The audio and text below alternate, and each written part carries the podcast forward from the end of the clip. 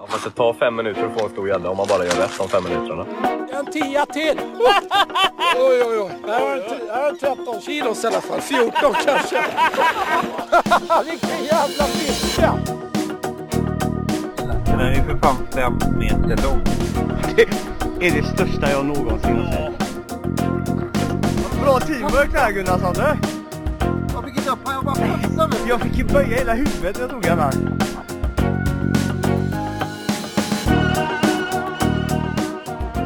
Lyssnar på Gäddpodden med Oskar Trovald och John Safaradel.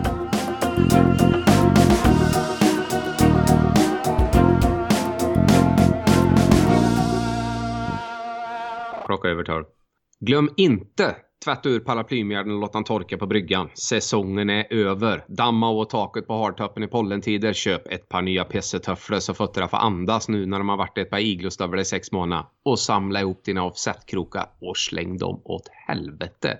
Och till våra österrikiska trogna lyssnare. Olja in era läderåsen så de inte gnisslar mot aktertoften när ni rattar hardtoppen mot nya äventyr. God vänner, älskare av de gulfläckiga. Välkomna till Gäddpotten avsnitt 4. Oskar Trovall, min man från ostkusten. Hur mås det?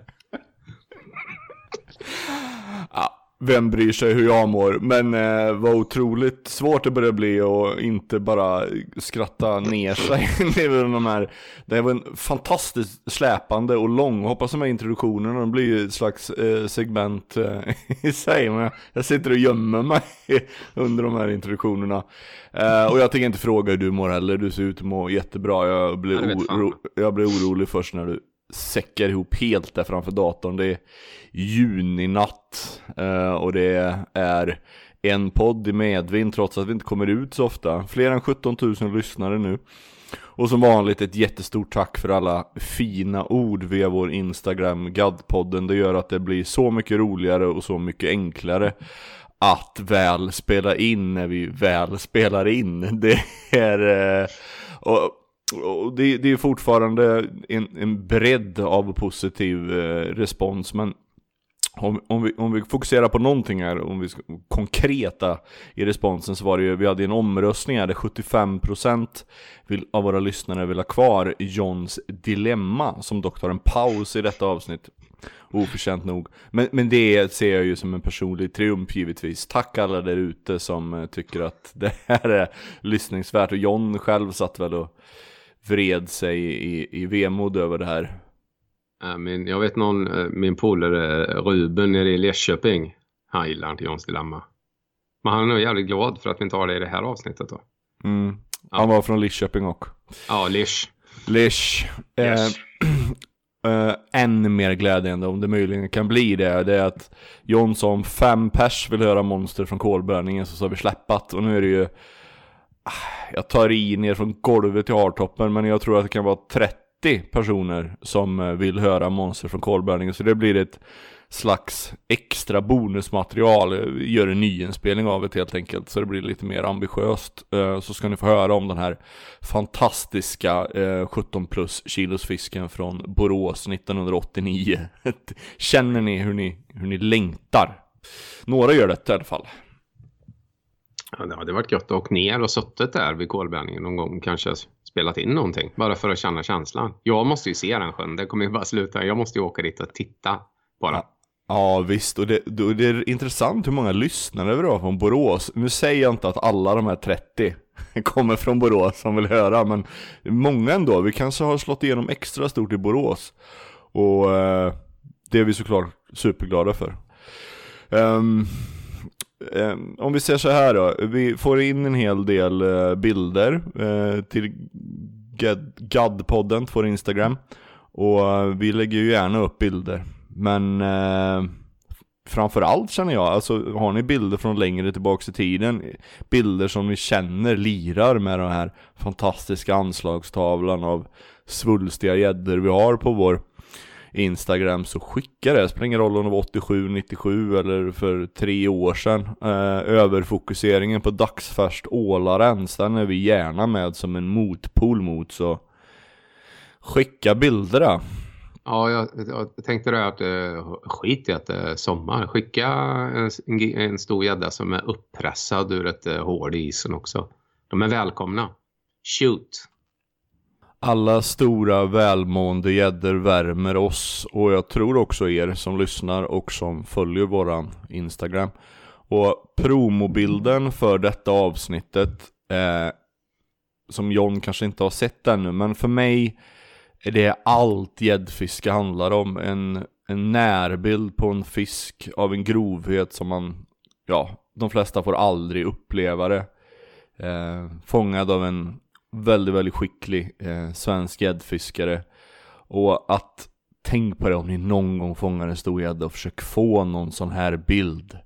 Alltså närbild på fisken som fångar proportionerna. Jag tror att kanske är det den man som fångstman gläds extra mycket åt när man tittar tillbaka.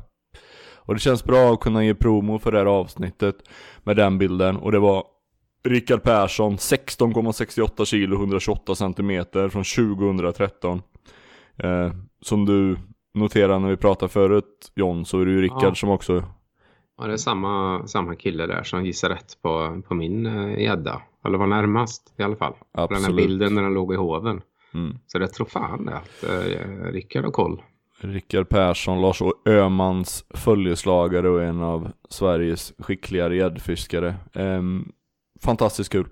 Eh, och i övrigt så, jag satt själv här, eh, nästan blev lite väl högtravande, men det här avsnittet kanske kommer bli Ja men skilja sig lite från de övriga tre, kanske av en lite mörkare karaktär men Låt mig här få sammanfatta bara några rader när jag återigen vill gå tillbaka till vad, vad den här podden ska handla om. Och Gäddpodden, vi vill nära den här drömmen om storgäddan vi pratar om ett passionerat gäddfiske i svalt vatten med få och tunga hugg Befriad från tokfronteri, klandervärd fiskhantering, fusk, längdhets, mängdhets och följa John-mentalitet. Vi vill vara uppriktiga, folkbildande och opinionsbildande. Allt med ett hållbart svenskt storgäddfiske för ögonen. Ja, då var det sagt. Ibland kan man behöva slå fast sin värdegrund en extra gång. Håller du med, John? Ja, ja. Det är cementerat. Det är cementerat. Jag håller med. Och, det, med. och, och, och med maj månad i ryggen så kanske det är inte oväntat så att det är lite av ett mörkare avsnitt. Ehm, så i det här avsnittet kommer vi ta vår mission för ett schysst svenskt storgäddefiske ytterligare ett steg framåt och kanske med en, en starkare polemik mot dagens tydliga tren- trender i svenskt gäddfiske. Och det kommer vi introducera med ett helt nytt segment som heter Spotlight. Och vid, och vid sidan av detta i detta avsnittet, helt ad hoc, så följer vi upp det, av, eh, det segmentet med en Deadbait special. Del 1 av 2. Det kommer vi bjuda på John. Vad, vad har du tänkt på när du har tittat på svensk gäddfiske på, på lite distans de senaste veckorna? Ja, det är, tyvärr så ramlar vi in på de här tråkiga delarna igen. Jag tycker väl att med tanke på att det fiskas, det fiskas väldigt, väldigt hårt nu. För det är ganska lätt att få de här fotofiskarna sett till längd och så och använda i både branding och ja, allmän marknadsföring eller, eller statussök bland vanliga privatpersoner. Kul att visa upp på, på Instagram och, och Facebook. Men, men jag tycker ändå att vi har ett ansvar att kräva här av folk. Det är duktiga fiskare, många av de här. Förebilder, profiler. Att eh, jag förstår vikten av att kunna visa och, och, och sälja. Det, jag är helt med i det och jag har många vänner som jobbar i branschen. Men eh, en del utav er får nog fasen se till att man behöver inte fota. Det är inget, det är inget positivt med ett bete som sitter i svalget på en gädda liksom totalinhalerat. Och stå och bända upp käften och så visa att det sitter så. Jag, eh, nej, och sen man ska inte låta gäddan stå i hoven med när den är krokad sen och tro att det är precis samma sak som att, att ha krokat av den och ställt i hoven. För det är det inte.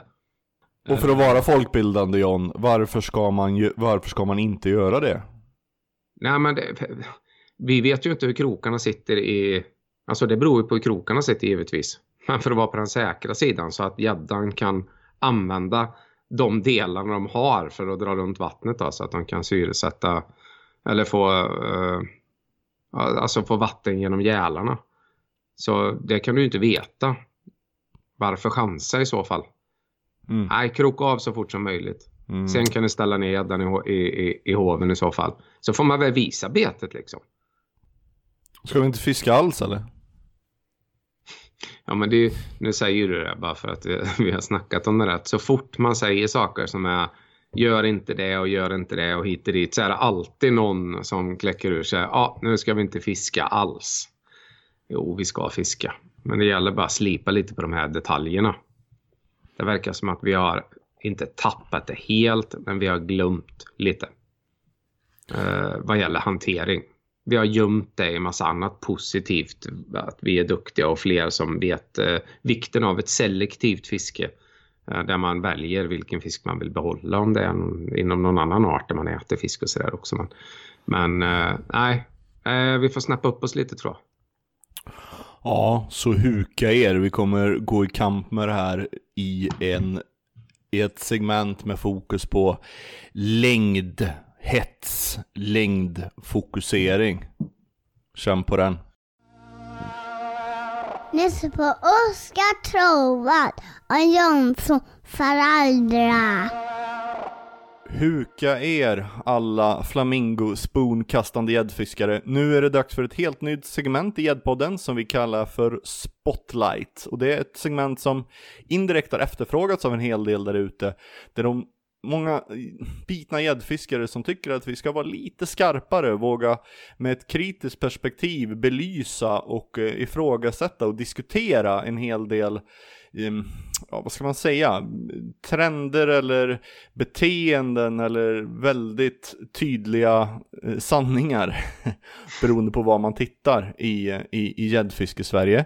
Vi har ju pratat ganska mycket om bilder eh, i flera avsnitt och sådär. Längtan efter den schyssta gäddbilden. Och den här gången så kommer vi gå in på ett ämne som engagerar oss båda väldigt mycket och det blir det första avsnittet av, eh, ja, första segmentet av detta spotlight som vi tror nog kommer komma tillbaka i samtliga gäddpodden framöver. Och vad har vi valt för brännande ämne idag John? Ja, vi har ju valt ett ämne som eh, vi kommer ju bränna de resterande broarna vi hade här ute till den stora massan gäddfiskare. Vi ska stötas eh, och blötas höll jag på att säga. Vi har valt ämnet eh, vikt, alltså eh, vikt och kontra längd. Och det blir lite konstigt att säga det. Vikten av vikt kontra längd då. Eh, ja, det är ett stort ämne. Ett högaktuellt ämne skulle jag vilja säga. Eller vad tycker du? Det är ett otroligt aktuellt ämne. Eh, går man ut i sociala medier idag så kan man uppfatta som att längd, det är det enda giltiga måttet eller intressanta måttet på svenskt gäddfiske. Och hur sjutton hamnade vi där? Ja, men, okay. ja det, det, så är det ju. Men för att exemplifiera det här själv. Min dröm är ju att fånga en lång fisk men att han samtidigt är tjock, givetvis. Och det kan ju vara bra att säga sådana här saker i det här segmentet eftersom det finns förmodligen folk där ute som inte kommer hålla med och det, det är fine. Uh, längd har en viss betydelse också men vikten betyder mer. Längd som enda mått alltså inte innefattat i en kombination med vikt, är av mig, eh, för mig ringa betydelse. Jag har förvisso koll på mina längsta fiskar då. Men, men i slutändan är det är kombinationen av vikt och längd som avgör en gäddas kvalitet. Så nu ska vi ju utveckla det här så jag ska, det här håller jag kort. Men eh, en 129 cm fisk på 11 kilo är inte på något sätt större än en 114 cm fisk på 15 i min värld. Eh, och jag vet att vi ska måla upp det här i olika vad gäller säsonger och eh, förlek, efterlek och hit och dit. Men jag lämnar över pucken till dig Oskar. Hur är din reflektion kring detta? Eh, jag tror att jag kanske står i ena änden av spe- spektrat här ehm, på på gäddfiskare ehm, om man ser till hur mycket längd betyder. För mig betyder längd, alltså i stort sett nästan ingenting.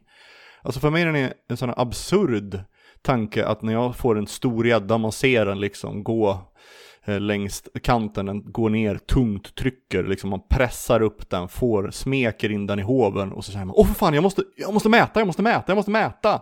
det, det, skulle jag hamna där, då vet jag inte om jag skulle fortsätta fiska gädda.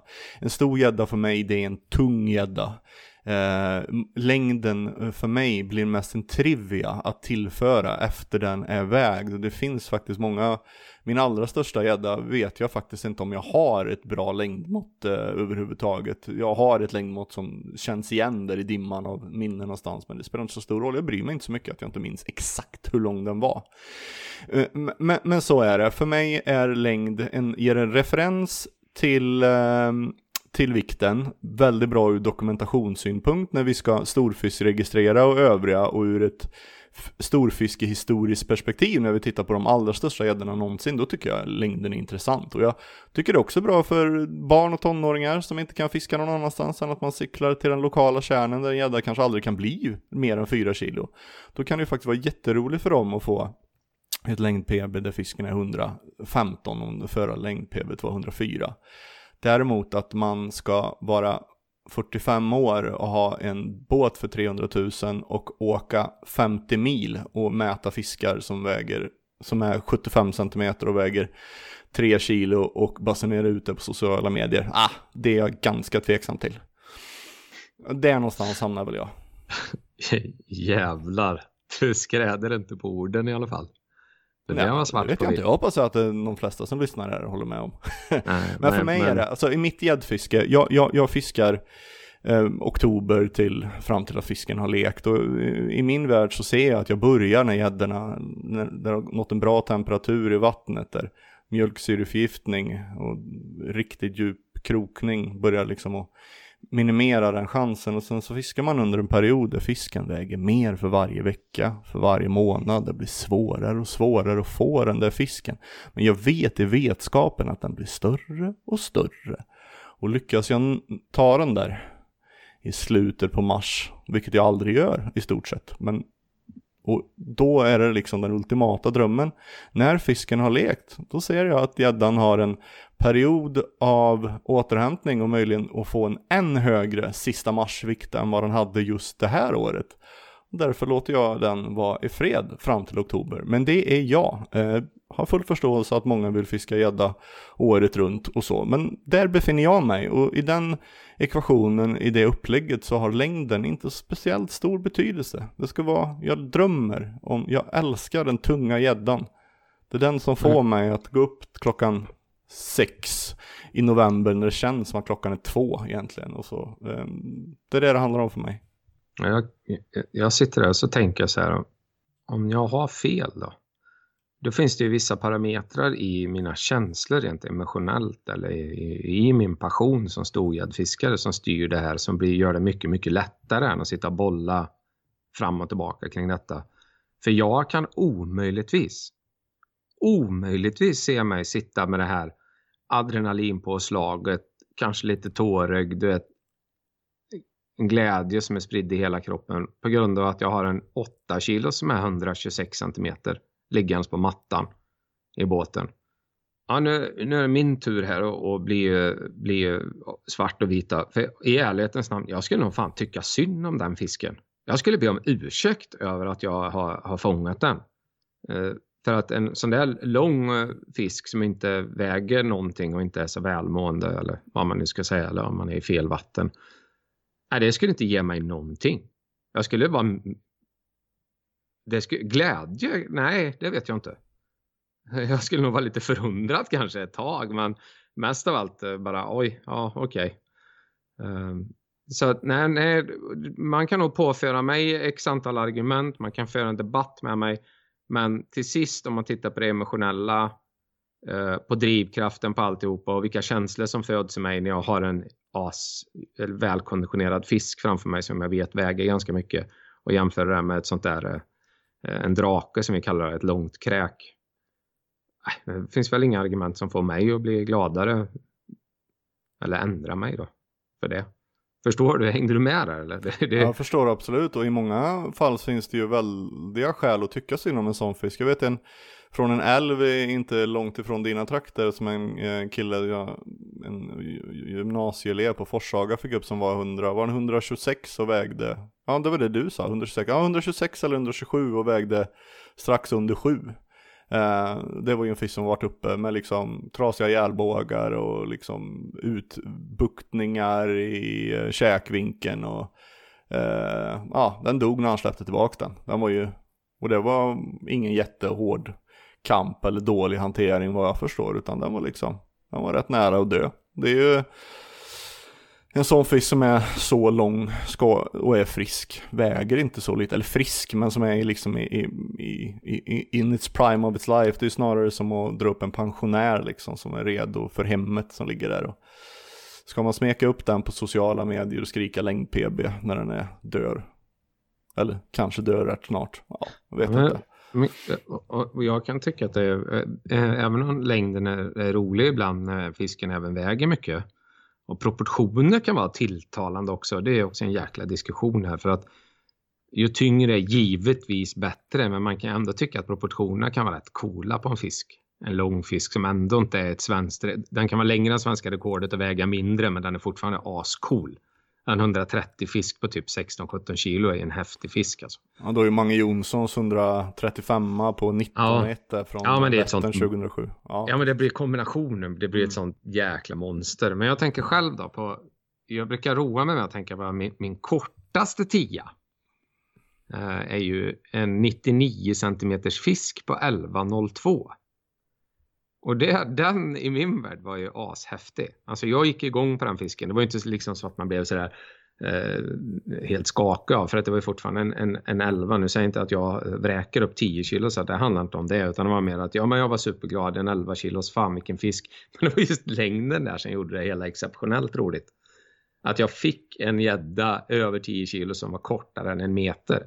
Så jag har sett såna här trådar tror jag på Facebook några gånger. Som är skit, ja, de är roliga där folk får skriva om om de har fått någon eh, 10 plus eller under en meter. Då. Och likställa en 11 kilos på, på 125 centimeter med min 99 centimeters på 11 kilo. Då väljer jag ju min 99 alla dagar i veckan. Mm.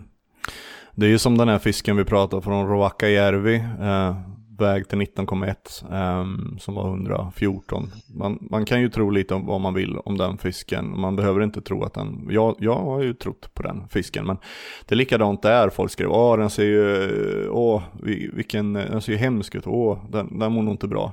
Och i min värld är det, hur fan, den ser väl ut att ha haft det fruktansvärt bra.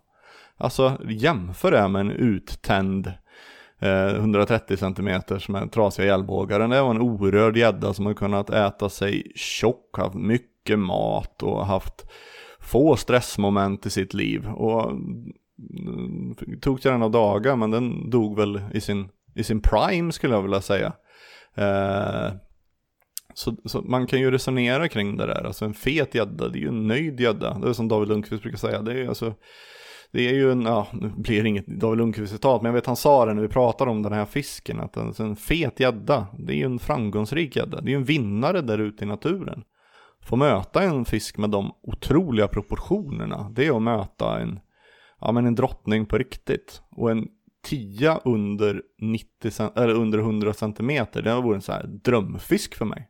Eh, otroligt kul. Jag vet, da, eh, Olof Engstedt fick ju också en sån här fantastisk fisk från isen. Eh, också över 11 och någonstans. Jag tror den var den 97 till och med. Ja, nej men det, det är det ju otroligt. Men eh, har du några andra fiskare som du, från, från ditt egna arkiv John eller? Mm. Men Ja. mitt, mi- ja, jo, mitt personbästa var ju inte särdeles långt. Eh, Jag har ju en 15 kilos. Uh, 15,48 och den fisken var 114,5 centimeter. Mm. Men det är ju samma, det är de känslorna den och vad den har betytt för mig nu då som gammal och grå när man inte kan lägga lika mycket tid längre att ändå ha den 15 kilosen. Uh, då känns ju längd liksom helt ovidkommande. Mm. Min fisk är ju coolare som 114,5 än vad den hade varit som 125. Eh, men jag, jag tänker ändå så här, vad, hur, har- hur har vi kommit hit Mm. egentligen? Och vad, eh, Eh, vad är det som har hänt? Och det är så mycket som faller in i det här ämnet, i det här segmentet som kommer göra att det spretar åt alla håll och kanter. Vi har redan snuddat vid det. Det är efterlek, det är säsong, det är temperatur, det är trender. Eh, men, men som jag ser det, om vi backar x antal år, vi kan backa ett decennium kanske. Om man tittar på all, hur vi skulle skydda fisket, då var det ju primärt eh, fokus på att skydda gäddan vid förlek, förleksfiske. Och jag har ju lyssnat till diskussioner, jag har lyssnat på debatter och jag har givetvis varit för detta. Jag backar skydd av den sportfisk vi utsätter för hårdast tryck eh, och det kommer jag, det kommer jag alltid göra. Men, men någonting har förändrats. I takt med att gäddfisket blev allt mer kommersialiserat kan man väl säga så och i takt med att tävlingsfisket har expanderat och blivit en trendsättande faktor både i sociala media och vad gäller försäljning av diverse ehm, Mm, utrustning. Och i, i, och i svallvågorna av detta ett sociala medier som driver fram eller att man producerar kändisar eller profiler som är märkesanknutna. Och de är ofta tävlingsfiskare också då. Det dök upp filmer, bilder, artiklar och man började prata om 80 cm fisk och 93 cm fisk. Och vad, vad som har skett i allt det, här, det är att säsongen har ju blivit längre. Det, det här att, att, eh, att, eh, bara fiska fölek och så, jag tittar på vissa hemmavatten jag har.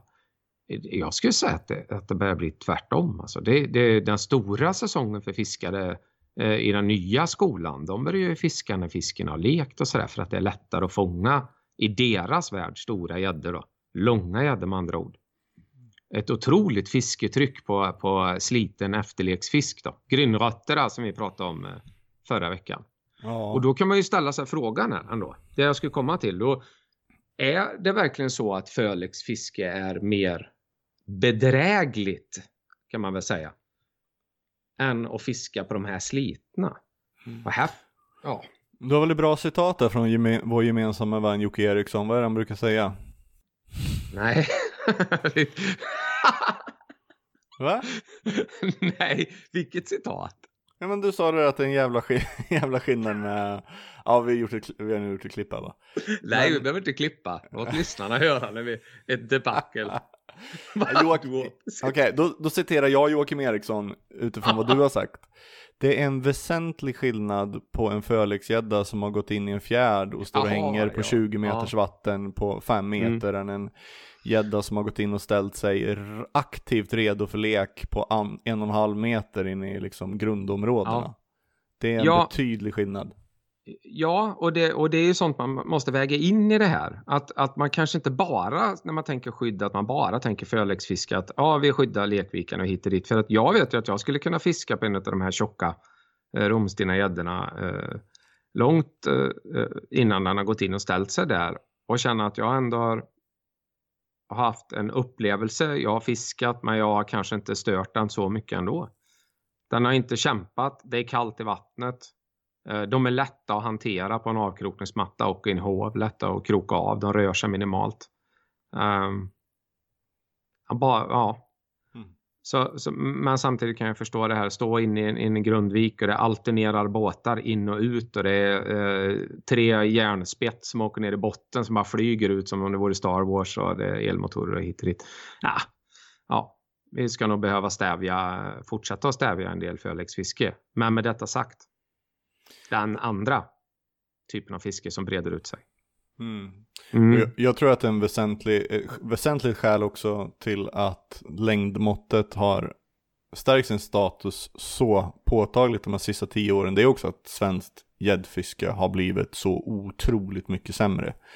Alltså, kom ihåg gäddfeber. Nu var de ju för övrigt kanske inte ute i öppna skärgården där, men inte fan stod de, det kanske stod längder. Jag kommer, det är bara vikterna man kommer ihåg. Det var liksom det var vikterna man såg och det, den filmen såg jag som en, som en, ehm, som en hyllning till den stora tunga gäddan gäddfeber. Gör jag fortfarande.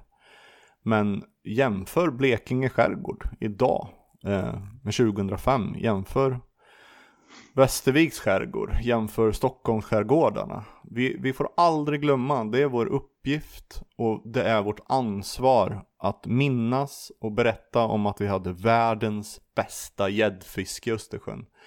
Ett gäddfiske som vi med våra beslutsfattare eh, och andras goda minne förstörde till att bli en tragisk spillra av ett superbt gäddfiske. Och de här gäddorna är det allt jämt i de här slitna bestånden mängder av människor som reser långa sträckor för att kränga upp. Jag hade Felix, Felix Pettersson, en kille som jag lärde känna när han var barn på en sportfiskeskola. Fiskar nere i Blekinge, jätteduktig, otroligt driven fiskare. Och han fick en 8 kilos i Blekinge skärgård, eh, ut, alltså efterleksfisk för några veckor sedan och han skrek ut det med glädje och jag skrev den ganska upp till honom. Har det blivit så jävla dåligt att du blir, alltså på ett trevligt sätt, vi kan skriva så till varandra, att du, att du liksom hyllar ut en utläckt 8 kilos i Blekinge skärgård och så han, ja, jag känner knappt till en tia från skärgården i år liksom. Det, det, det är en häpnadsväckande tanke om man hade flyttat sig tillbaka i tiden. Det, och, och, det är klart att människor som alltjämt vill fiska i de här arkipelagiska miljöerna, som alltjämt vill visa upp eh, att de fångar fisk och så, det är ju självklart, eller ja, självklart, självklart, men det har blivit den givna tendensen att de framhäver längd. För det finns inga vikter att framhäva längre. Fisken väger för lite. Och, och, och, och där är också en jätteviktig, jag tror faktiskt att det är den primära anledningen till att vi hamnar där vi är. Vi har allt fler i Sverige för varje år, för varje månad tror jag, i sociala medier som vill visa upp sitt fiske. Och att, hur det går. En helt naturlig instinkt. Jag vill också i någon mån visa upp hur det går med mitt fiske. Men då blir det också så, det blir fär, fler fiskare på färre tunga gäddor och då blir det istället långa gäddor vi får se. Och kanske inte ens heller jättelånga utan det kan vara 95 centimeters som nu lyfts fram som ett resultat av ett framgångsrikt fiske. Jag är inte rätt man att fördöma det. Ja, men jag, däremot så ser jag ju den tendensen. Jag tror att den är, den är nästan verklighetsfrämmande för eh, en, er som fick vara med och uppleva skärgårdsfisken när det var bra. Jag sitter där och, och tänker och reflekterar. Man, man eh, jag kan ju se till mitt eget eh, flöde här nu om vi tittar. Vi, vi återkommer ju alltid till detta för det blir ju en spotlight på sociala medier. Man har jag 2-3 tusen så kallade friends på min Facebook. Jag skulle väl lätt kunna säga att 85-90% av de gäddorna jag ser på min Facebook idag kommer från en enda sjö. Mm. Och jag skulle säga av de bilderna från denna sjön och i dagsläget är det inte så konstigt vi ligger i den säsongen. Det är ju ut, ut alltså rätt eh, trött, inte trötta, men det är, det är ålarens liksom. Det är smala gäddor.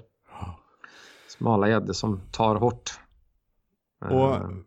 den här, det här segmentet, jag känner redan det här nu, det är ju ganska mörkt segment det här. Och, eh, och det är inte så att det här segmentet eh, görs eller så för att hoppa på eller döma ut massa personer. Men jag tror alltjämt så att väldigt många av våra lyssnare är personer som kanske inte pysslat med gäddfiske så länge.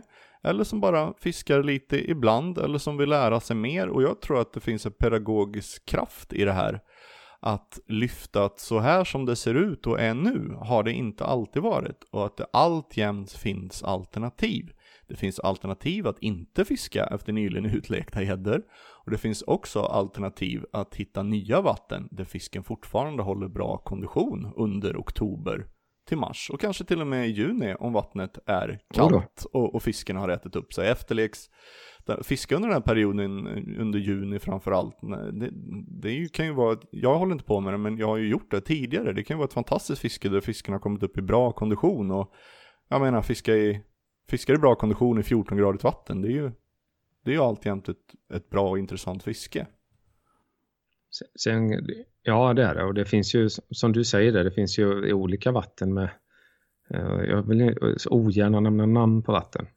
Men jag har ju exempelvis vissa rinnande vattendrag som jag fiskar i. Um, där är ju vattnet lite kallare och gäddor, man märker ju på fisken att i juni kan de ju vara i jätte, ja, bra kondition välkonditionerad.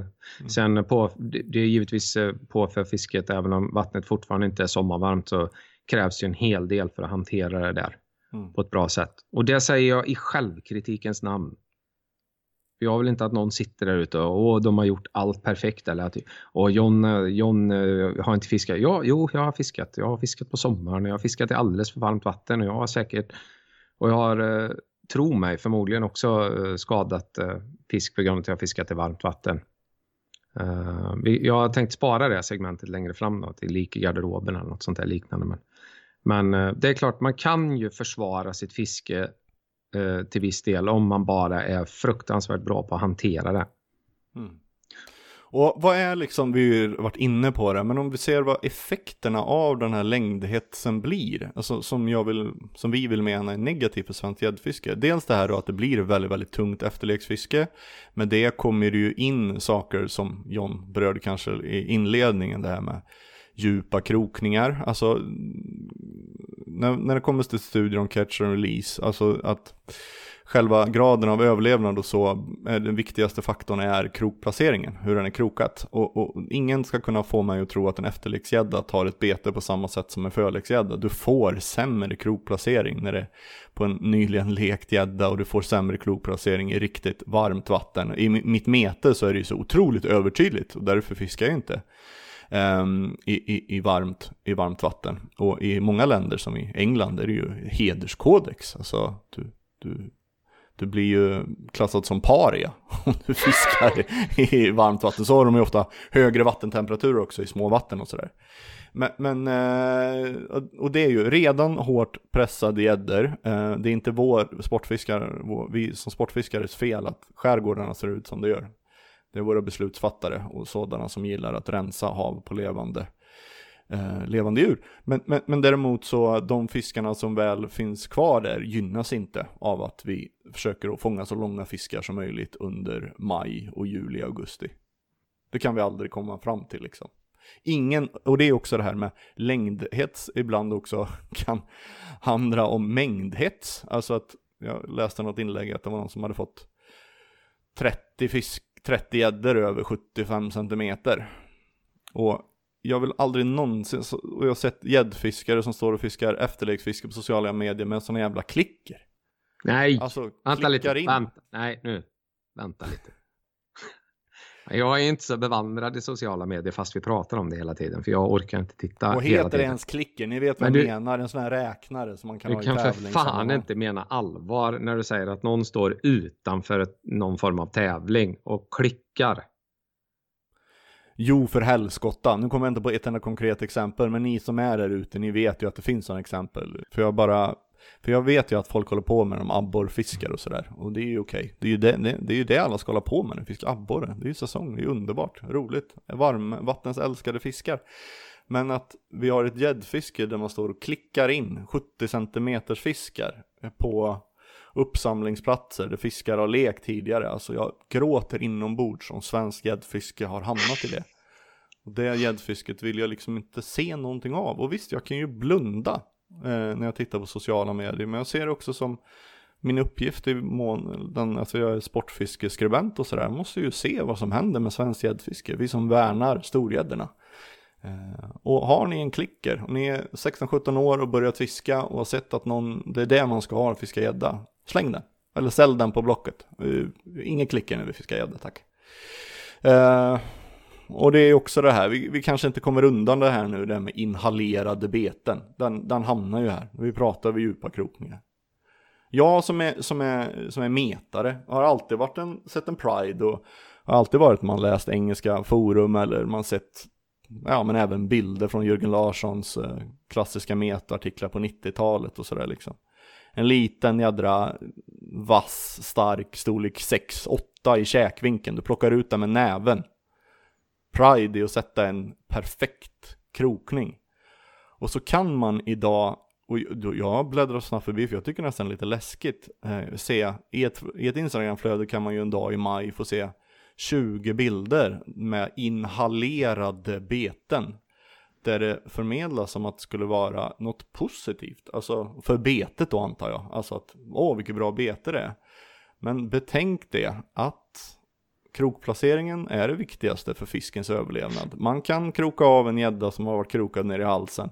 Sätta tillbaka den, den simmar iväg. Du har ingen aning om den överlever. Och jag tror att jag vill ju försvara mitt kära gäddfiske och vårt catch and release fiske. Vi vill ju inte slå ihjäl våra gäddor. Och en bred, bred publicering av den typen av bilder med beten och krokar långt ner i svalget på fiskar som sedan ska sättas ut. Det är dålig reklam och betänk att catch and release har förbjudits i andra länder. Eh, Nej. Bland annat i tyska, olika tyska delstater.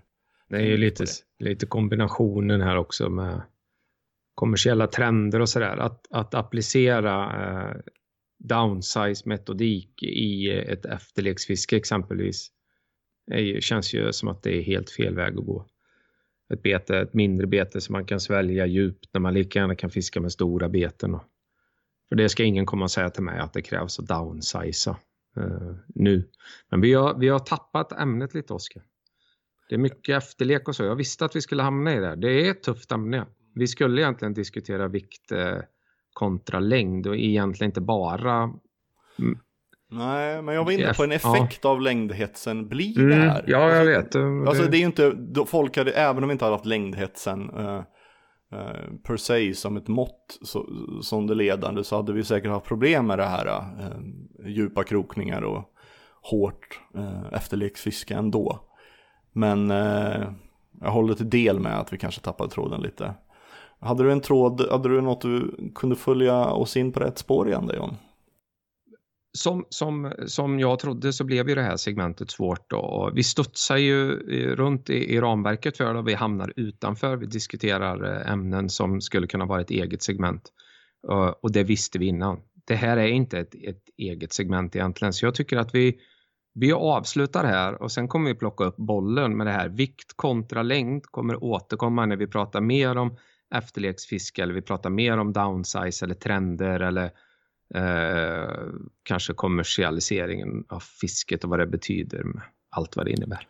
Och Gäddpodden är en podd, en, vi är ju också en opinionsbildare i den meningen att vi eftersträvar ett schysstare och mer hållbart storgäddefiske.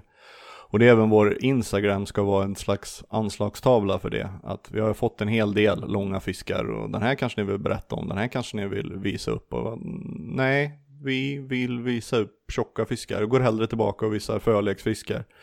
Eh, eller november, december, januari fiskaren och fläka ut fiskar som inte ser ut att vara i superbra kondition. Eh, med risk att det momentet var eh, kan, kanske mer kontroversiellt än något vi annat har gjort så hoppas vi, vi ser det som ett debattinlägg. kanske inte är jätteintresserade av att fortsätta debattera med någon, men det här är i alla fall vår ståndpunkt. Och jag hoppas att vi kan liksom ha väckt några tankar i detta. Och att eh, framförallt hos er eh, också som faktiskt efterfrågat det här, att ni kände att här har ni en röst som vi ger er. Klick, klick! Klick, klick. Jerkbait. Ja då, gott folk. Då var det äntligen dags för veckans bete och eh, till er stora lycka den här veckan lämnar vi både plast, träbetar, plåt och gummi därhän. Oskar Trovald för oss in i eh, bort från de artificiella betenas värld.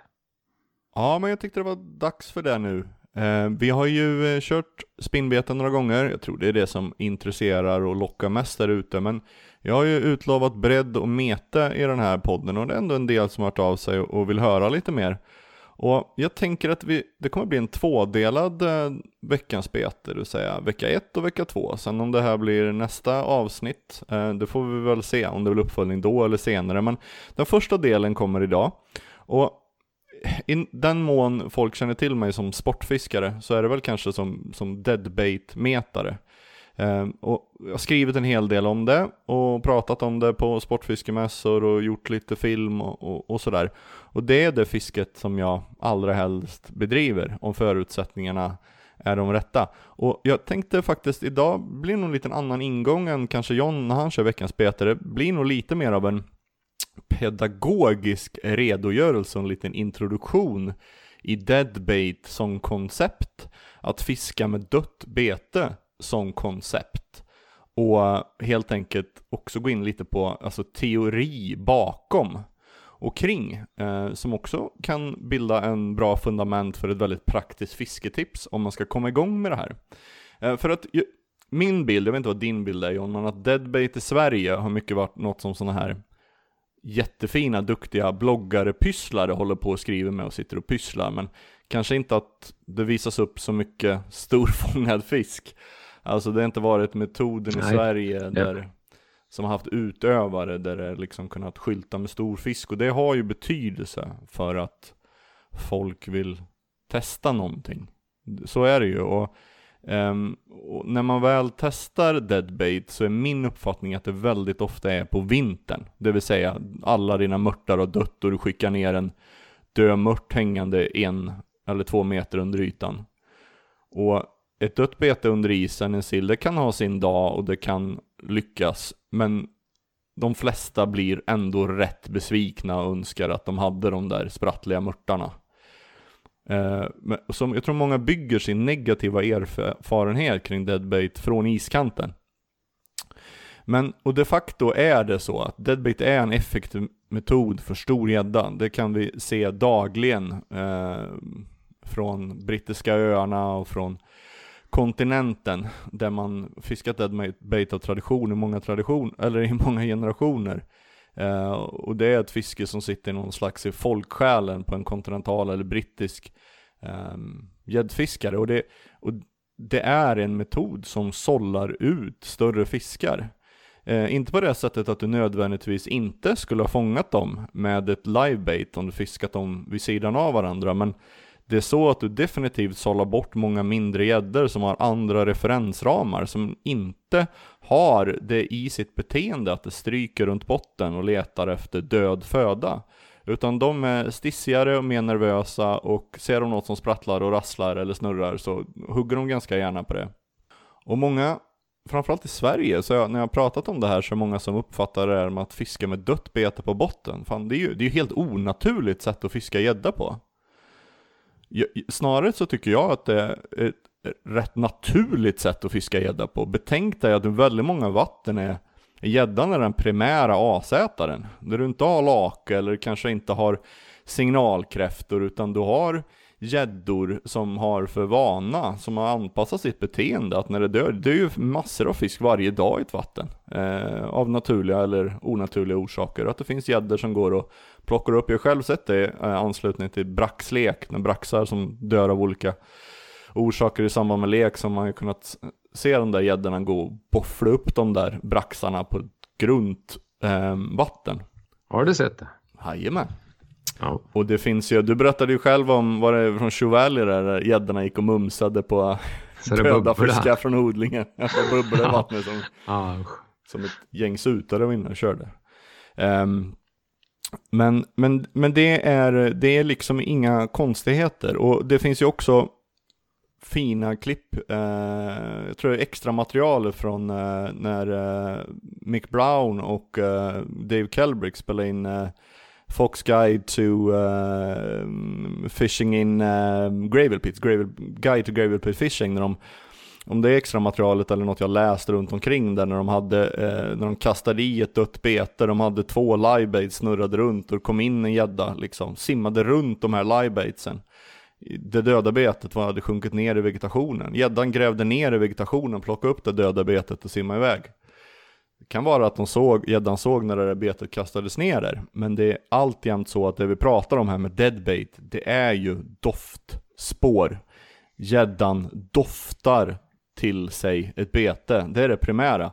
Och nu, nu vet du John att jag, jag, det här kan jag ju gå in ganska långt in, penetrera så att säga. Men jag, jag tänker bara, tillåt mig att göra en väldigt översiktlig, teoretisk anblick på fenomenet deadbait. För att någonting som jag tror att vi gäddfiskare ganska sällan går tillbaka till grunden när det gäller gäddfiske, det är alltså hur lokaliserar gäddan sitt bete? Alltså vilka sinnesorgan använder gäddan för att orientera sig i vattnet i jakt på fisk, eh, jakt på föda? Och gäddan har ju synen, det är ju det allra flesta svenska fiskare och gäddfiskare. Gäddan är ju en fantastisk predator som eh, jagar, med, ser väldigt bra uppåt, ser bra åt sidan, som jagar på silhuetter. Innerörat eh, använder vi ju en hel del också i vårt fiske med rasselkulor och gäddan, det kan, kommer jag gå in på. Jag tänker vi i någon sån här segment längre fram John kan gå in på just de här olika sinnena och hur man som gäddfiskare kan nyttja det. Och sen har ju gäddan inte minst sidolinjen, den här kanalen med porer som förmedlar nervimpulser. Alltså att den, ett organ som inte vi har, att den kan känna av rörelser på ganska långt håll eh, och kan förflytta sig i, i, riktning mot de rörelserna. Och det är något som jag också verkligen tycker vi ska göra en special på. Ja, Men så, det, jag tänker på det att eh, vi- har ju ändå varit och tagit i, i det här när vi har gått igenom veckans bete tidigare och det spelar ingen roll om det är artificiellt eller naturligt. Eh, Det är ett otroligt intressant ämne. Ja. Man blir taggad redan när vi pratar om det och applicerar in i ett eh, jakten på storgäddan. Tänk, det finns kanske många där ute som har förbisett det här. En del. Ja, men det är min uppfattning. Alltså framförallt när vi kommer till den här fjärde faktorn med gäddans sinnen, det vill säga doftgroparna. Jag vet inte om ni har sett det på snouten på gäddans nos, så sitter ju det två stycken sådana här doftgropar med en liten flärp.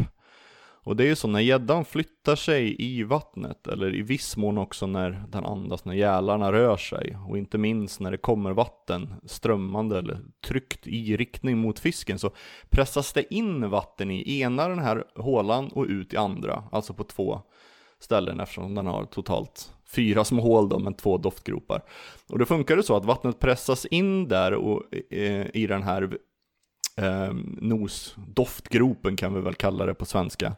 Och där finns det en komplicerad veckad struktur med känselceller som kallas för rosetten. Och det är en, den, den är väldigt eh, avancerad eh, veckad struktur där, där fiskar har olika mängd väckningar och olika mängd känselceller per väckning. Och eh, jag tror ålen till exempel kan ha, ha 50 000 doftceller på en kvadratmillimeter. Och det är just det här antalet väckningar och känselceller som, eh, som, som, som begränsar hur, hur bra man doftar. Jag tror att gäddan har, och jämförelse med ålen som har allra bästa doftsinne, så jag tror, det kan du ju skicka in en, en, en mask i stort sett på eh, i ett vatten när det är vindstilla och ålen kan liksom dofta sig till det på långt avstånd. Men så, sägs ju att ålen, om man räknar väckningarna och de här känselcellerna, så har ålen ungefär tusen gånger bättre gäddsinne än vad gäddan har. Cyprinider, karpfiskar har också betydligt bättre eh, doftsinne än vad gäddan har. Men med det sagt inte eh, sagt att gäddan inte har ett doftsinne som den använder sig av. Det gör den hela tiden. Och gädda kan ju känna då det som, det som läcker från levande materia, alltså aminosyror som kommer som, från fjäll som, som lossar eller från blod eller från andra typer av oljor eh, som, som kan röra sig i vatten från fisken.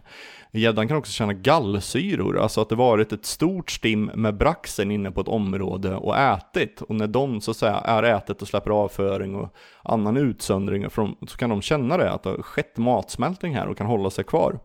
Och sen är det sista då feromoner, och det, det är ju ehm, någon slags eh, signalsubstrat. Jag tänker inte beröra det här, men det kan vi ta i någon annan, något annat segment. Men de känner aminosyror och gallsyror.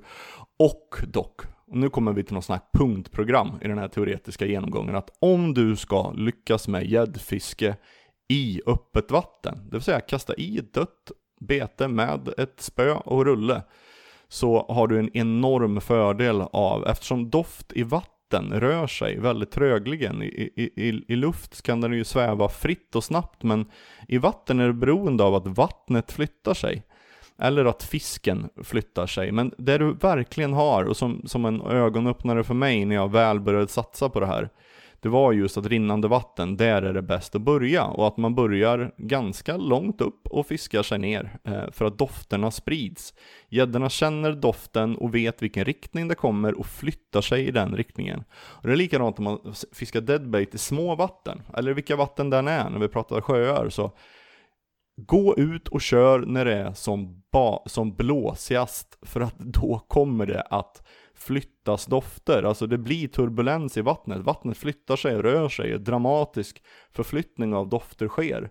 De dagarna fiskar du deadbait alltid bättre i stilla vatten, är min uppfattning. Och också det här med lågtryck. Också kanske inte någonting man tänker så mycket, men ett lågtryck under 1000 hektopascal, det är grått i november, oktober. Det är bra, då söker gäddan. Många gäddor, inte bara de allra största, utan en hel del gäddor står nära botten. Och kan nog tänka sig att gå efter någonting som doftar intressant, men kanske inte gå efter en silhuett tre meter upp i vattnet. Också så, när vattnet är under uppvärmning eller under nedkylning, då rör sig vatten, det blir turbulens i vattnet. Det är därför den här hösten är så bra, när vattnet börjar kylas ner och vattnet sätts i rörelse av det här. Och likadant på våren, när vattnet börjar värmas upp över 5, 6, 7 grader precis innan lek där, då kan deadbait också vara bra. Men det finns en läxa som jag också tror att man har en enorm nytta av om man ska börja satsa på det här med att kasta i ett dött bete i vattnet i jakten efter gädda, det är att inte fiska när det är apkallt. Jag vet att det finns en del i Sverige som tycker det, det är då det är bra, när det är precis innan frysning. Men min uppfattning är, och framförallt om man också går till brittisk litteratur, så 4 grader, det är någon slags kritisk temp. När det blir så kallt, då är livebait bättre. Men 5-12 grader brukar jag tycka är en sån här superbra temperatur. Kanske är ni några nu som lyssnar som ändå har något vatten i de här temperaturerna. Eh, och då tycker jag det är bra. När det börjar komma över 12, 13, 14 grader så är det mycket större risk för djupa krokningar. Redan sölar i sig betet med en annan kraft. Så jag tycker att 5-12 grader är en sån här bra riktpunkt. Och en annan sak som jag tror att man har väldigt nytta av, det är det här om man ska fiska i små stilla vatten. Nomadiska gäddor, alltså gäddor som har vanan att leta runt efter stora, stora beten. Har du ett, jag har fiskat i vatten där det finns gigantiska norrstim, trots att det är ganska små vatten. Gäddan följer de där stimmen. Så det kan man nästan ta för givet. Och har inga ambitioner eller eh, ingen lust att gå och söka eh, efter dofter långt på botten. Men däremot har du ett vatten där du har några ålar, sutare, några rudor, några större abborrar. Det kan du lita på att gäddorna söker runt och rör sig ganska mycket på en dag. Och när de väl rör sig så, och hittar ett doftbete på vägen, då kan du ha en, en jättenytta av det.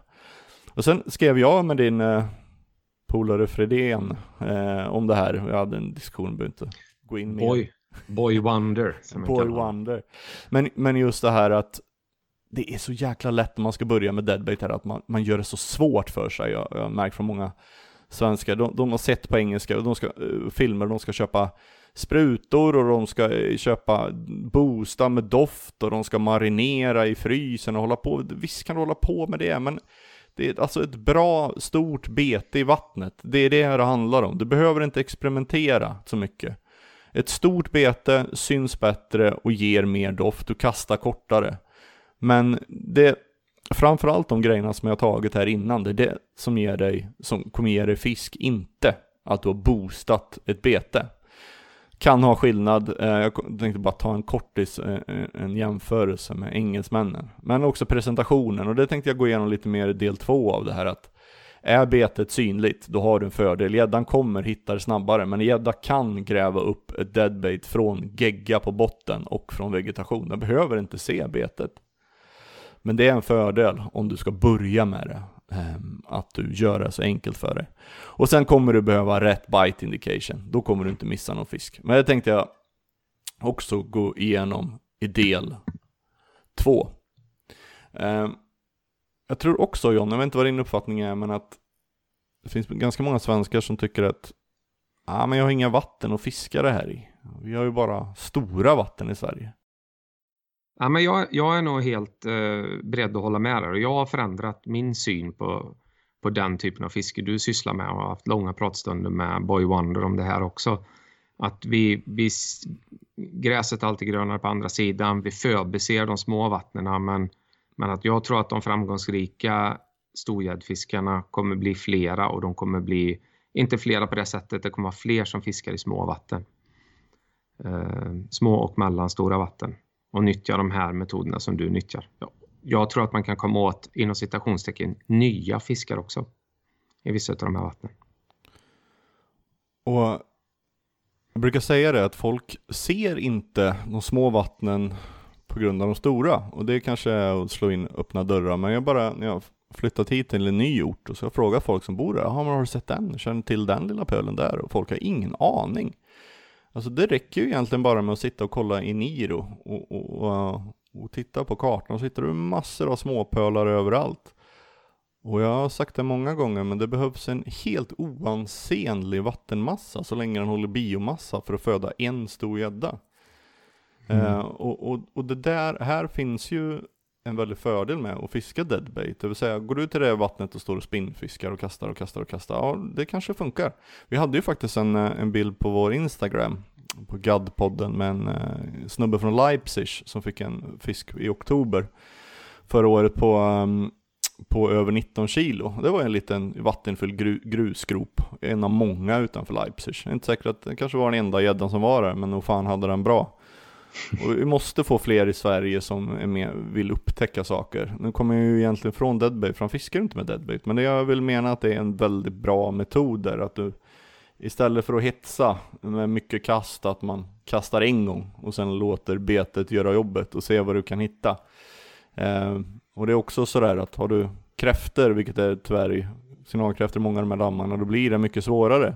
För de kommer gå på det bete, men det finns faktiskt finns eh, metoder även för att komma undan kräftor. Jag tänkte kanske prata om det i, i nästa eh, avsnitt. För det är ju sådär att all, många säger att ja, engelsmännen de har haft svinbra fiske eh, genom att de har de här typerna av vatten. Alltså mäng, bara i, i det här området som Mick Brown flyttade till, som jag alltid glömmer namnet på i östra England, um, så finns det, jag tror det var så 10 000 eller något sånt där. 10 000 vattenfyllda dagbrott, alltså en löjlig mängd.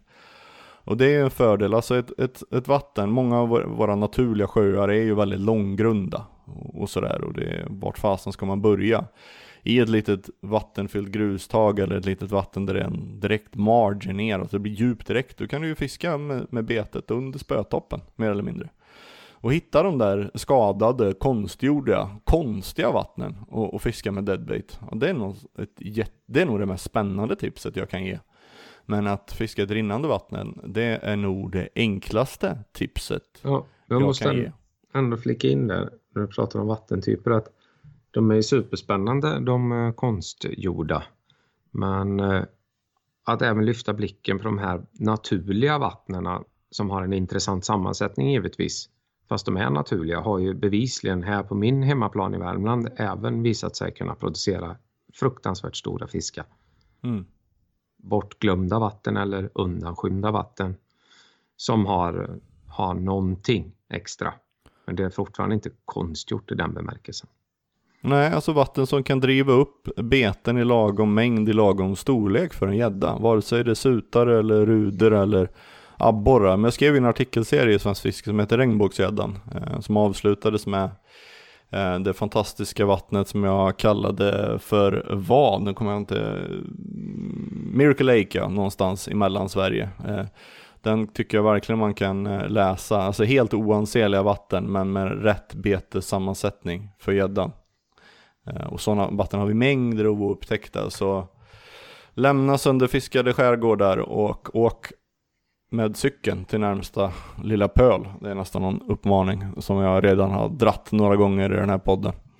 Men jag får, egentligen kanske skulle börjat med den här aha-upplevelsen som fick mig att gå över till, eller att verkligen gå in i det här med deadbait. Och det var när jag fiskade ett vatten faktiskt uppe i dina, i ditt landskap, uppe i Värmland eh, någonstans där det fanns en fiskodling. Och på den här fiskodlingen, ja det var ju ingen tillfällighet att vi fiskade där. Vi fiskade i det vattnet för att det fanns en fiskodling och gäddorna blev stora av det. På den här odlingen så stod det östeuropeiska, flitiga, hårt arbetande människor som gick upp klockan fem och slutade klockan mörker. Eh, och de hade två spön ute. Såklart när du fiskade dem nära kassarna, de hade fördel att fiskar som gick och gömde sig där under men eh, de fiskade med två bottenmeter. De tog en regnbåge, en filé, satte på en trekrok vad jag kunde se. Och så bara dippade ner och de stod, bara den dagen så tror jag att de nackade i alla fall tre fiskar, höga åttor, nior, möjligen tior. Medan vi då, vi hade bra fiske på morgonen, sen så kom det 50 spinnfiskebåtar som brände i 50 knop över allt bra vatten. Ingen fångade någonting. Men de här fantastiska eh, östeuropeerna som körde straight ahead, enkelt bottenmeter med fler. De stod och bara hivade upp storgäddor. Det, var en, det var en otrolig ögonöppnare för mig. Såklart speciella då ehm, eh, förutsättningar kring det här vattnet och allt fisketryck och, och kassar. Men det var fascinerande. Eh, och efter den dagen sa jag, ja, det har varit det primära spåret. Jag vet inte, har du någon sån här aha-upplevelse eller något deadbait-minne John som du kommer att Ja, jag har det, men jag, jag, jag, kan tyvärr, jag kan säga ungefär vad det handlar om, men jag kan tyvärr inte säga av vem, var Nej. och när. Okay. Men det är att jag har fått en berättelse förtäljd för mig om ett vatten där man fiskade med deadbait. Och eh, där man trodde att det var extremt viktigt att hitta bra platser där det låg fint på botten. Mm. Tills det visade sig att en fiskare började hiva betet rätt in i skit. Och det var han som fångade bäst. Mm. Så det verkar som att det är något som är tilltalande då. Att, gäddorna kan simma in i en ruska med Mm. ja, vad det nu är då, nat eller vad det är och hämta upp ett bete. Mm. Det, för mig, det, det, det ökar även eh, alltså deadbaitet, lukten, alltså effektiviteten i, i det. Den typen av fiske. Att det behöver inte ligga perfekt på botten som i en engelsk sån uh, undervattensfilm där de kommer och så, och så dammar det till när de öppnar munnen liksom. Utan eh, Men Nej bra att du nämner det med undervattensfilmer, för jag tycker det, det finns ju många sådana på YouTube med Waterwolf som jag tycker man är värt att kolla upp just det här med att det här är en metod som passar stora gäddor, alltså som är betänksamma, som har en, alltså en lång beslutsprocess ibland, inte minst när det ligger något stilla på botten. Det finns ju så många filmer där det är en gädda, man ser den, kommer och kollar, simmar iväg, kommer tillbaka, simmar iväg, kommer tillbaka. Ingen ska få mig att tro att den hade tagit ett ytbete. Alltså den gäddan plockar upp, eh, plockar upp deadbaitet på, vad är det, fjärde, femte vändan, det finns många sådana. Och simmar iväg med det och det är ju fantastiskt eh, i och med det. Ofta så ligger ju de här betena som du är inne på inte alls speciellt synliga. Och jag skulle säga att Sveriges skickligaste deadbaitfiskare, Stefan Stisse, eh, Stefan Stiffe Engdahl säger jag, jag vet inte om jag säger fel Stisse heter han. Ja, Stisse, det är det jag alltid säger. Eh, från Ängelholm tror jag. Han, eh, han, han vet jag, han skrev fantastiska deadbait-artiklar på det gamla karpverket, också en sån här tidig inspirationskälla för mig. Och han fiskade ju ofta som du var inne på, alltså frilina och sen makrill och så bara Mm. kastar den rakt på natebälten, rakt på vegetationen, alltså den ligger nästan och, och flyter ovanpå eller sen Ja, det- sjunker ner. Alltså det, det får en att tänka, det är ju nästan så långt ifrån så vi fiskar gädda i Sverige kanske vi möjligen kan komma. Eh, så, ehm, nej men det finns så mycket att hämta där. Nu, och, det kanske inte blir så många praktiska knep, men jag tänkte i del två återkomma till något som man kan ta det här mm, vidare. Och hoppas att ni tyckte det här nu i någon mån var intressant, även ni som inte metar. Och skriv gärna in till oss på Gadpodden och vad ni tyckte och vad ni skulle veta mer om och sådär. Och var det helt orelevant för er, ja men kan ni väl skriva det också. Sätta Ja, på mig vi- pjäsetofflor och springa ut i skjulet och damma av mina trepundare. Klocka över tolv. Nu närmar det sig läggdags i Wien, Linz, Löddeköpinge, Olshammar, Furusund, Knivsta och Karlstad. Eh, dags att summera upp avsnitt fyra av Gäddpodden. Det har... Japp. Du, du är vaken också ännu. Nej, jag är inte Du bara nickar alltså, till. Du bara Nej, nickar så- till. Jag är fruktansvärt trött nu.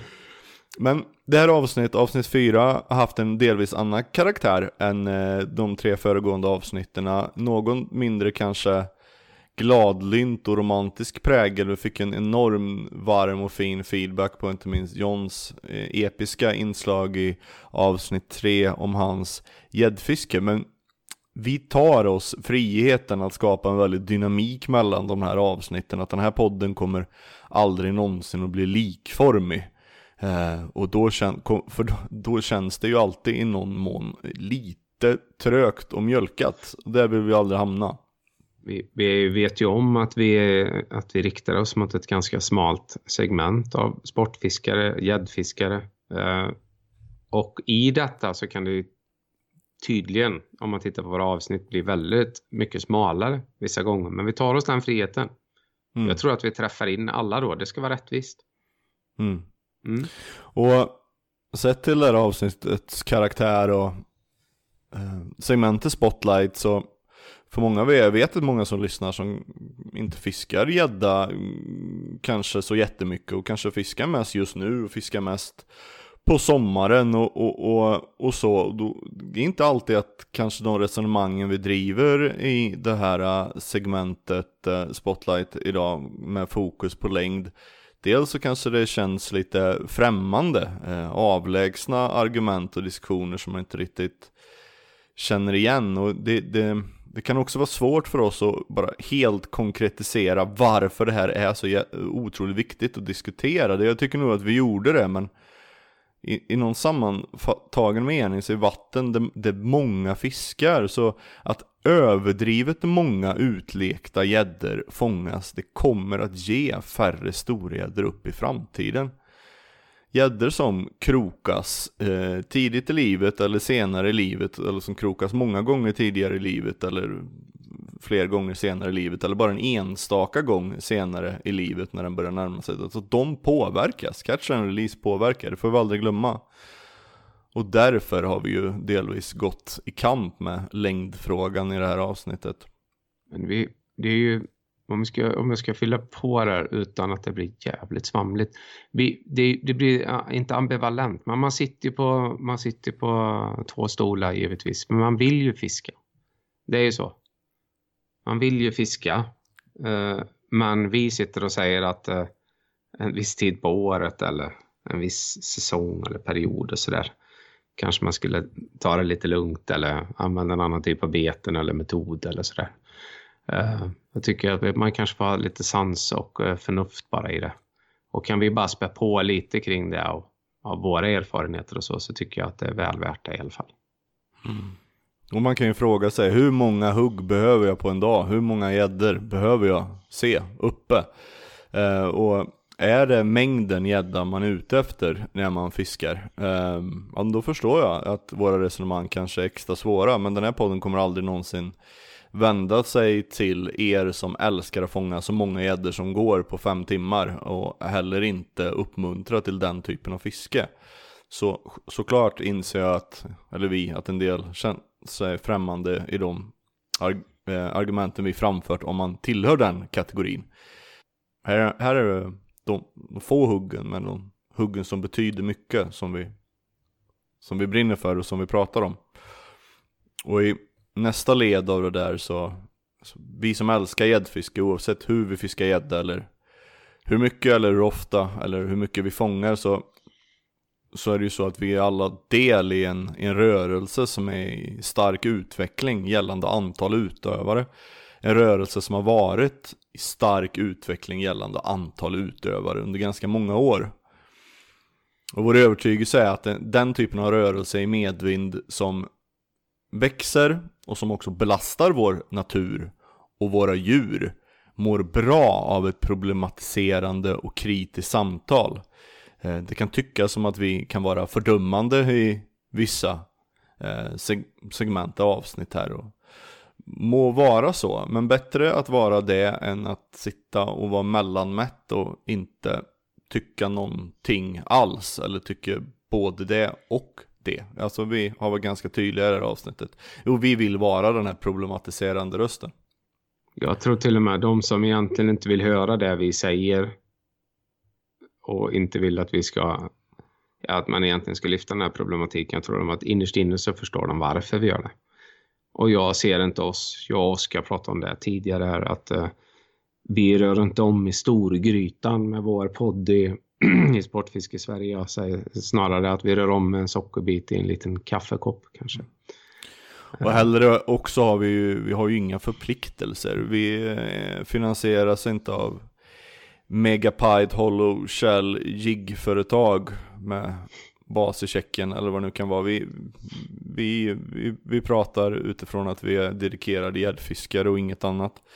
Eh, och det är ju det är en frihet att, eh, att vara så. Vi är ju fria opinionsbildare i den meningen. Eh, eh, och det vill vi ju såklart fortsätta vara. Jag gillar att du har hakat upp dig på jigg avsnitt efter avsnitt. Det, det, alltså, det, det, visar, det visar allt här att Oskar är, han är verkligen en gäddmetare. Nej, du får säga om, du skulle, om pöbeln hoppar på den nu så heter det gummibeten om du ska täcka in hela spektrat. Ja, gummibeten jigg är mycket roligare ord. Ja. Jiggmannen. Ja, jag älskar ja. Om jag hade fått en tia för varje gång jag suttit och funderat över alla de här bilderna som läggs upp på jiggar som är slitna och trasiga och funderat över varför är det bra? Då skulle jag, ja, då hade jag haft mycket pengar. Men, men det, det kanske är bra. Men vi har ett avslutande ord från mig innan du tar avslutningen här. Det är att vi har inte, i och med spotlight-segmentet, vi har inte kastat någon handske. Vi kanske har tappat en vante. Ja, har du funderat länge på den formuleringen Nej, eller nej, kom nej, den nu bara? Nej, den bara kom till Men mig. du- du den bara kommer. Det kändes jävligt bra att säga den ändå. Ja, det kändes jävligt. Ja, jag såg det. Det breds ut leende på över Ja, Skype. Ja, det, jag tycker att det säger ungefär allt om vårt spotlight-segment. ja. Att ja det här precis. är bara början. Um, något vi alltid brukar beröra i avslutningen här annars som vi helt bytt sida på myntet eller vad man nu kallar det är att vi brukar prata om frekvensen och den är inte så jättekul att prata om kanske men vi hamnar ju här med var tredje, var fjärde vecka eller så och eh, vi har ju varit inne på det men det här att ge ut bonusmaterial eh, vi kanske kommer testa det lite på vår, på vår Instagram hur intressant det är med vi, vi, vi själva sitter ju, det var ju faktiskt några lyssn- två eller tre lyssnare som hört av sig och föreslog, kan inte som extra material eller för att komma ut lite oftare, kan ni inte läsa in några artiklar? Det blir som någon slags ljudbokspodd av några urvalda gäddartiklar. Det kanske inte är en så dum idé. Vi får, vi får testa den John på bland våra lyssnare och se om man är Ja. intresserad. Och det är inte att vi skulle ersätta det med ordinarie eh, samtalsavsnitt där utan mer att ja, kunna ge en frekvens. Så det är ju också en kanske än mer alltså bredare dynamik i vad vi, vad vi ger ut. Eh, ja, kolbränningen har ju redan utlovat som ett bonusmaterial. Men det kan ju finnas jättemycket. Det kan ju vara någon en, alltså intervju eh, men enskild gäddfiskare eller så. Vi har ju jäkligt svårt, vi, jag vet att vi utlovade det i första avsnittet att det kommer vara massa gäster och sånt. Nu har vi ju supersvårt att bara samla ihop oss två. Att vi ska samla ihop ytterligare personer så här mitt i natten känns lite, känns lite främmande just nu. Men det kan bli mycket väl så att vi kan göra någon, att John intervjuar någon eller att jag gör det. Eh, eller så. Så något sånt kan vi säkert komma fram med också framöver. Eh, en annan otroligt värmande och positiv nyhet är ju att det rör sig på Colin Dyson riggtatueringsfronten John. Ja, jag måste bara bestämma mig för hur mycket pengar jag går in och sponsrar med om någon drar den då. Och det är så här att min, eh, min eh, vän här i Karlstad, en av Sveriges skickligaste tatuerare, Johan Stångberg, har ju naturligtvis ritat upp en Colin Dyson-rigg. Han har, han har skissat här nu så att eh, det är som sagt, jag, jag ska suga lite på hur mycket jag sponsrar med. Men är det någon som vill ha den där på ryggen så ja, skicka ett eh, meddelande på Instagram så kommer Oskar läsa det. För det var just ryggen du erbjöd Ja, det sponsring vara på till. ryggen. Ja, som någon vill göra den på magen eller baken eller vaden, då är du inte med. Då ger du inte en krona. Jo, magen. Ja, det är klart. Men då sponsrar jag inte lika mycket om någon så drar ner den och att den är liten. Jag såg ju framför mig att det skulle vara liksom neck to, to svank. Mm. Ja, Eh, jag, jag personligen, eh, jag, jag, det är nästan så jag, jag, blir eh, lite rädd där nu om vi ska bidra till att människor ristar in en Colin Dyson eh, tatuering. Eh, men ni som gillar att tatuera er, ni är ju vuxna så att säga. Det är vuxna människor vi pratar om här nu. Eh, det är ingen 16-åring som kommer, du kommer bidra till hoppas jag, eh, ska tatuera in den där. Men vi, likväl så kommer vi lägga in den här fantastiska Colin Dyson rigg tatueringsskissen Känns på, känn på det ordet på vår Instagram och är det någon nu som känner sig manad eh, och faktiskt skulle vara intresserad så får man ju såklart höra av sig.